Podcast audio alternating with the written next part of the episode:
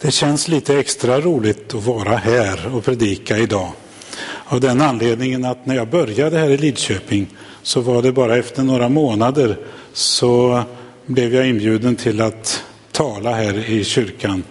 Eh, det var ekumeniska föreläsningar på ehm, mötes, ett gemensamt möte på hösten på den tiden. Och eh, då fick jag tala, så jag känner mig lite hemma sedan dess har varit här tidigare också. Eh, men nu ska vi börja med att be. Herre, vi vill nu öppna ordet och lyssna till din röst. Men vi ber dig, öppna du nu först våra hjärtan så att vi kan lyssna till vad du har att säga oss idag. Gör oss villiga att gå den väg du vill visa oss och ta till oss det du vill säga oss. Genom din heliga Ande. Amen.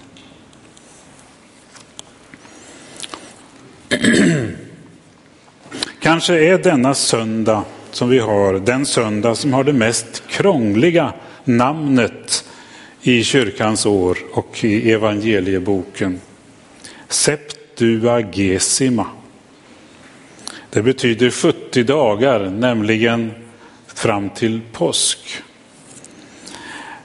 Nu är det jul igen och julen varar in till påska. Det kan man nästan tro när det blir en så tidig påsk som vi får 2016, redan i mars månad. Men däremellan kommer, ja, för oss somliga i alla fall. Men därför måste vi börja redan nu när det är så tidig påsk, fastän vi knappt har hunnit få ut julgranen och advent, fått undan adventsljusstakarna. Jag ser att det finns i en del fönster fortfarande. För nu börjar den så kallade förfastan. Och då blir också innehållet i texterna kärvare. Egentligen så skulle man vilja ha en helt annan text än den vi får idag när man kommer på sånt här tillfälle. Men man ska inte dra sig undan de kärvare texterna i Guds ord utan försöka förstå vad han vill säga oss. Och den här Texten som föreläggs oss i andra årgångens läsningar på Septuagesima är en av de kärvaste och svåra att tolka bland evangeliernas texter. Vi lyssnar till vad Jesus säger i Lukas evangelium, det sjunde 17 kapitlet, vers 7 10. Lukas 17, 7 10. Det handlar om situationen för lärjungarna och lärjungaskapets villkor i övrigt runt omkring detta. Om ni har en tjänare som plöjer eller vallar får, säger ni då till honom när han kommer hem från ägorna, gå genast och slå dig ner vid bordet. Nej, ni säger, gör i ordning maten åt mig, fäst upp dina kläder och passa upp på mig medan jag äter och dricker, sen kan du själv äta och dricka. Inte får tjänaren något tack för att han gör vad han är ålagd. På samma sätt med er. När ni har gjort allt som åligger er ska ni säga vi är odugliga tjänare. Vi har bara gjort vad vi är skyldiga att göra. Vi är odugliga tjänare. Vi har bara gjort vad vi är skyldiga att göra. Så lyder det heliga evangeliet. Lovad vare du, Kristus. Behöver man nog lite vatten på det här, eller vad tror ni? För att klara av detta. Hur kan Jesus säga som han gör? Den Jesus som vi har lärt känna som kärleksfull mot alla och särskilt de små och svaga i samhället. Och dessutom i Lukas evangelium som ju är känt för att lyfta fram hur Jesus värnade om de fattiga. För att på något sätt förstå detta måste vi först inse och tänka till att man levde ju i ett samhälle där tjänarna i huset var livegna och hade en starkt underordnad ställning. Något annat fanns inte på kartan. Men de hade å andra sidan garantier för sitt uppehälle. De hade kost och logi. Man hörde till hushållet och levde inom familjens gemensamma ekonomi. Ekonomi och ekumenik hör för övrigt ihop. Det är samma ordstam bakom oikos, hus. Vi som samfund hör alltså ihop i samma hushåll och familj, Guds hushåll. Att alla utförde sin uppgift i hushållet garanterade hela husets väl och ve.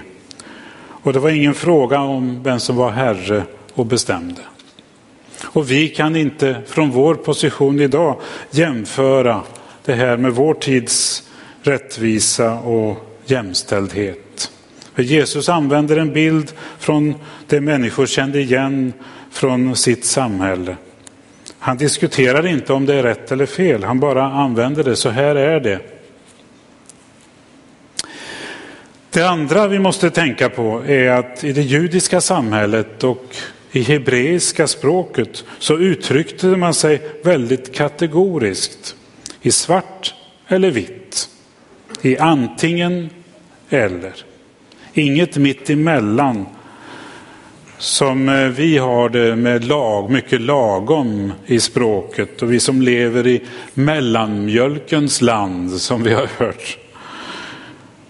Nej, här blir det starka uttryck, det blir ett polariserat språk. Ja eller nej, inget kanske.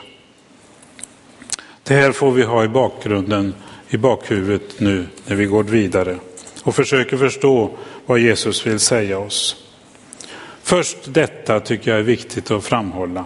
Att vi lever i Guds hushåll. Vi lever i hans värld och han tilldelar oss uppgifter som tjänare i sin skapelse. Vi är tjänare, vi är förvaltare av vårt liv, vår värld, vårt samhälle. Och det gäller hela tiden. Inte bara 8 till 17. Vi står i hans tjänst. Och Gud har försett oss med en fantastisk planet så att vi har alla möjligheter att försörja oss och hela världens befolkning. Alla möjligheter till det. Vi kan inte bortskämt tänka att Gud borde också duka bordet till oss. Att han borde fördela jordens resurser, borde utrota svälten. Det är ju våran uppgift som tjänar i hans skapelse. Vi kan inte säga, jag har arbetat för mig själv och de mina, vårt eget folk. Nu har jag gjort mitt. Nu vill jag äta ostört och njuta. Nej, vi har fler som vi behöver duka för. Att tjänaren ska passa upp på Herren innan tjänaren själv äter. Det är kanske, tänker jag, en liten vink från Jesus att vi bör stanna upp först i tacksamhet till vår Herre och livgivare och tacka för mat och dryck och hem. Att ge vår Herre vår lovsång och tillbedjan först. Det är det enda som han önskar för egen del av oss. Och sen kanske han också visar oss att vi ska passa upp på hans skyddslingar. De små, svaga och hungrande innan vi slevar i oss själva. Ska vi förvänta oss något tack om vi gör det? Nej, säger Jesus. Det är ju inget extra som ni gör. Det hör med till förvaltningsuppdraget. Det hör till vårt liv att tjäna i Guds skapelse. Vi gör bara vad vi är skyldiga att göra. Jag tänker till exempel på det här med klimatet. Är vi värda tack från Gud eller våra barnbarn när vi sorterar soporna installerar solfångare eller förhandlar om lägre utsläpp för, hela, för att hejda jordens uppvärmning. Många gör ju stora insatser. Men vi gör ju bara vad vi är skyldiga att göra. Jesu ord kanske just nu gäller i högsta grad vår behandling av miljön.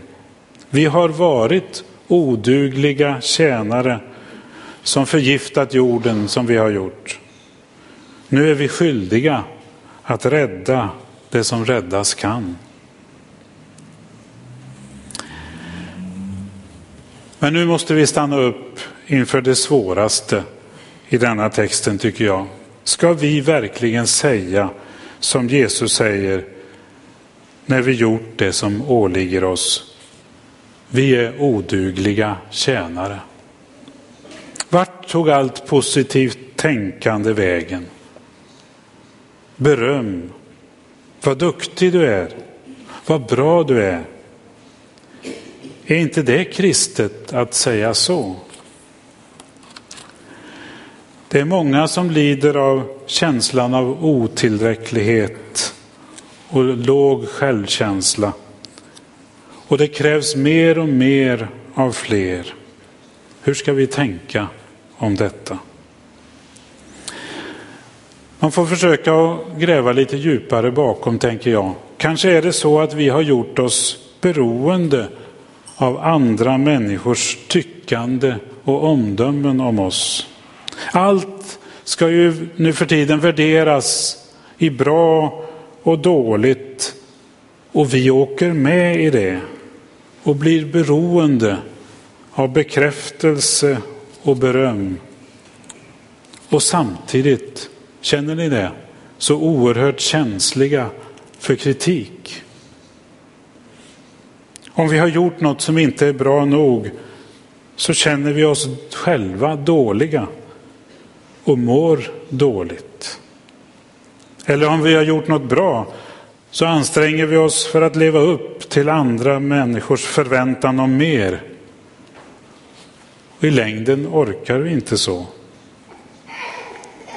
Kanske är det så att Jesus vill säga till oss idag, sträva inte efter beröm och bekräftelse. Inget är perfekt. Egentligen är vi ganska bristfälliga och odugliga allesammans. Paulus skulle inflika, det har han gjort och inflikat i Bibeln. Alla har syndat och gått miste om härligheten från Gud. Men, fortsätter han, men utan att ha förtjänat det blir vi rättfärdiga av hans nåd. Utan att ha förtjänat det blir vi rättfärdiga av hans nåd. Nåd och tjänst är de stora orden på denna söndag. Vi blir rättfärdiga av hans nåd. Odugliga, ja, men trots detta rättfärdiga. Det är den fantastiska ekvationen i Guds rike. Alltså ska vi inte bygga våra liv och vår inre känsla på hur bra vi kan göra något. Och inte heller fastna i hur dåligt vi utför somligt. Utan vi ska vila i det faktum att du Gud älskar oss som de vi är. För att vi är hans barn. Och det här är inte jantelagen om någon tror det, som säger tro inte att du är något.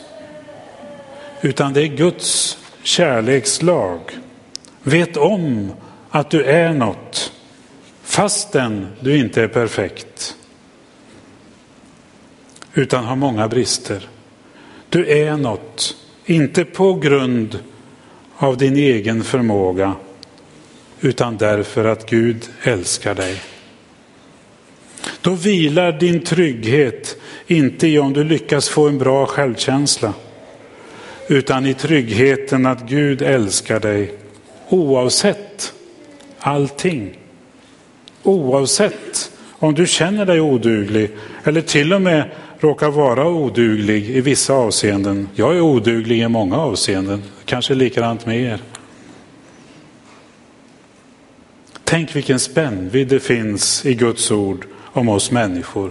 Här hörde vi odugliga tjänare och samtidigt så vinns med de höga orden i saltaren nästan till en Gud gjorde du människan. Det gäller att landa rätt, att inte bygga vår självbild på människors eller våra egna omdömen om oss, utan på Guds syn på oss som hans älskade. Att vila tryggt i Guds hand, i Guds kärlek, trots allt, oavsett allt. Kan vi sedan tillämpa detta i vårt umgänge med varandra och sluta bedöma varandra, men älska varandra och visa att vi alla behövs. Inte så mycket tycka om varandra som att tycka om varandra. Och det behöver vi göra också i ekumeniken, gemenskapen i Guds stora hushåll, Guds familj. Inte så mycket tycka om varann som att tycka om varann. Amen. Låt oss be. Herre, vi tackar dig att vi får höra till ditt stora hushåll, till din stora familj. Oavsett hur vi är och från varifrån vi kommer. Herre, hjälp oss att ta emot din stora kärlek, att det får bygga vår trygghet och vår självkänsla. Och att vi alltid får komma till dig, sådana vi är. Herre, hjälp oss att se på varandra som älskade syskon i din stora familj och lära oss att tycka om varandra. I Jesu namn. Amen.